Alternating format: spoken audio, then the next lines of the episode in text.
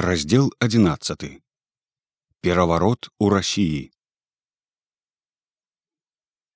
вярнуўшыся з ключыка ў вільню паступіў я з дапамогаю дзядзькі туркевіча і зноў на лесапільню графа тышкевіча і зноў табельшчыкам той старэнькі інвалід што быў на маім месцы якраз надумаўся пад гэты час памерці з голаду і аслабаніў мне дарогу Увесь студзень і амаль да канца лютага 1917 года стаялі ў вільні надта вялікія марозы. Усе казалі, што такіх марозаў і самыя старыя людзі не запомняць. Хоць я заўважыў, што так заўсёды кажуць, калі мароз троху прыцісне, а ў хаце дроў не палена. Сярод рабочых быў тады агульны ўпадак духу. Так мне здавалася. Тым больш, што востра адчуў гэты ўпадак і я сам, і з маткаю і з юзею, а часткова і з янінкаю, калі ў палове лютага запасы нашы скончыліся. Скончыліся хоць пад канец з агульнай рады і пастановы гарох маці замкнула і выдавала ўсім па саменькай маленькай грудцы, толькі да гарбаты ці тое ліпавага настою замест хлеба і сахарыны. Сама маці жыла цяпер можна сказаць аднею бабкаю. І бабкі свае ніколі не замыкала, а вешала ў торбацы на сценку, чым уводзіла мяне ў вялікую спакусу адламіць кавалачак і з'есці. Спакуса прыемная рэч. Часам я так і рабіў. І толькі вялікім напружаннем волі прымушаў сябе ўстрымацца, каб не ачысціць усю яе торбачку. Спакуса і страшная рэч. Каб не пасці канчаткова, уцякаў я тады з хаты далей ад торбы, далей ад бабкі, далей ад спакусы. Часам разважаў, ці зламіў бы я замочак, каб яна бабку замыкала. А яна тады ледзьве ўжо валачыла ногі. Суп у грамадскай сталоўцы ела яна можа раз у тыдзень. Есці стала нечага і на рынку ні да чаго не дакупішся. Хоць воўкам вы, хоць кладзіся на лаву ды сашчэплівай руки. Аднак сашчэпліваць руки не дужа каму хацелася. Найчасцей знаходзілі выхад у тым, што ішлі з горада ў вёску, каб прынесці мяшэчак бульбы. І гэта кіламетраў за 30 і болей і на сваім гарбу. Голад не цётка. А па дарозе немцы лавілі і ўсё адбіралі. Дый у вёсцы цяжка ўжо было што-небудзь дастаць і там многія сядзелі ўжо без хлеба на адной бульбе. Адным святочным днём пайшлі і мы з янінкаю з мяшэчкамі пад пахай. І ў вёсцы чарнулішках кіламетраў усяго за 15 ад горада пашчасціла нам раздабыць трошку буракоў і трошку бульбы. Аддалі мы ўсе свае грошы. А каб сабраць гэтыя грошы, прадаў я свой кошык, янінка свой альбом, Юзя дала пяць марак, што зарабіла шыццём мяшкоў, і маці схадзіла да будзіловічаў, пазычыла марку. Хоць я, калі даведаўся, дык гневаўся на яе за гэта. Назад мы з янінкаю не ішлі, а ляцелі з радасці. Дзень быў досыць марозны, але было нам цёпла. І вось амаль што перад самым горадам наляцелі мы на нямецкую заставу. І сэрца ў мяне апала. Аж убачыў я тут надзею, рыжага вусатага немца рудольфа што хадзіў да аднай жанчыны на нашым падворку. Пані рудольф! Пані рудольф! А ён толькі засмяяўся. І як і ўсе яны карабінам нас адпіхаў калі мы за мяшэчкі трымаліся.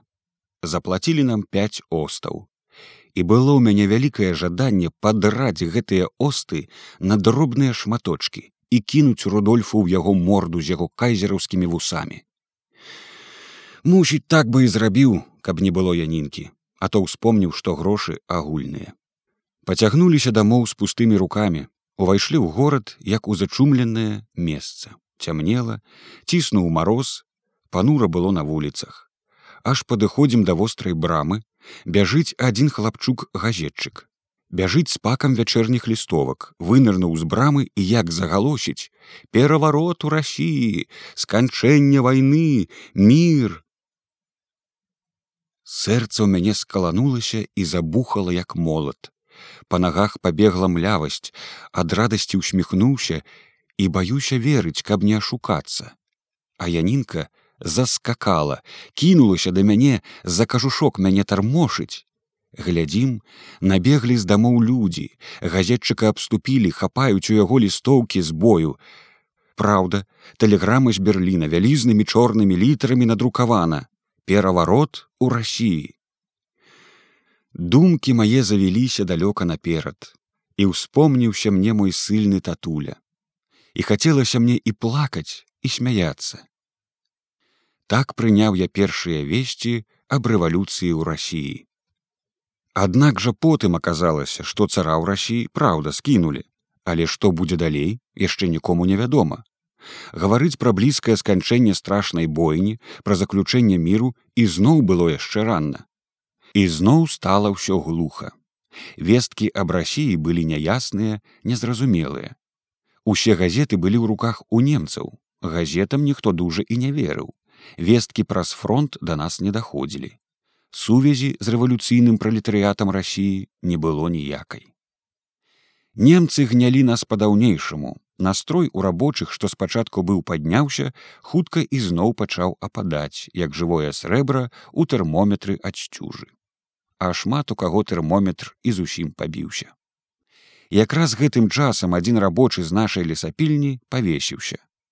Адна работніца з мармеладнай фабрыкі, якую калісьці і моя маці добра ведала як бойкую вясёлую дзяўчыну, цяпер атруціла чадам сябе і сваіх траіх дзяцей.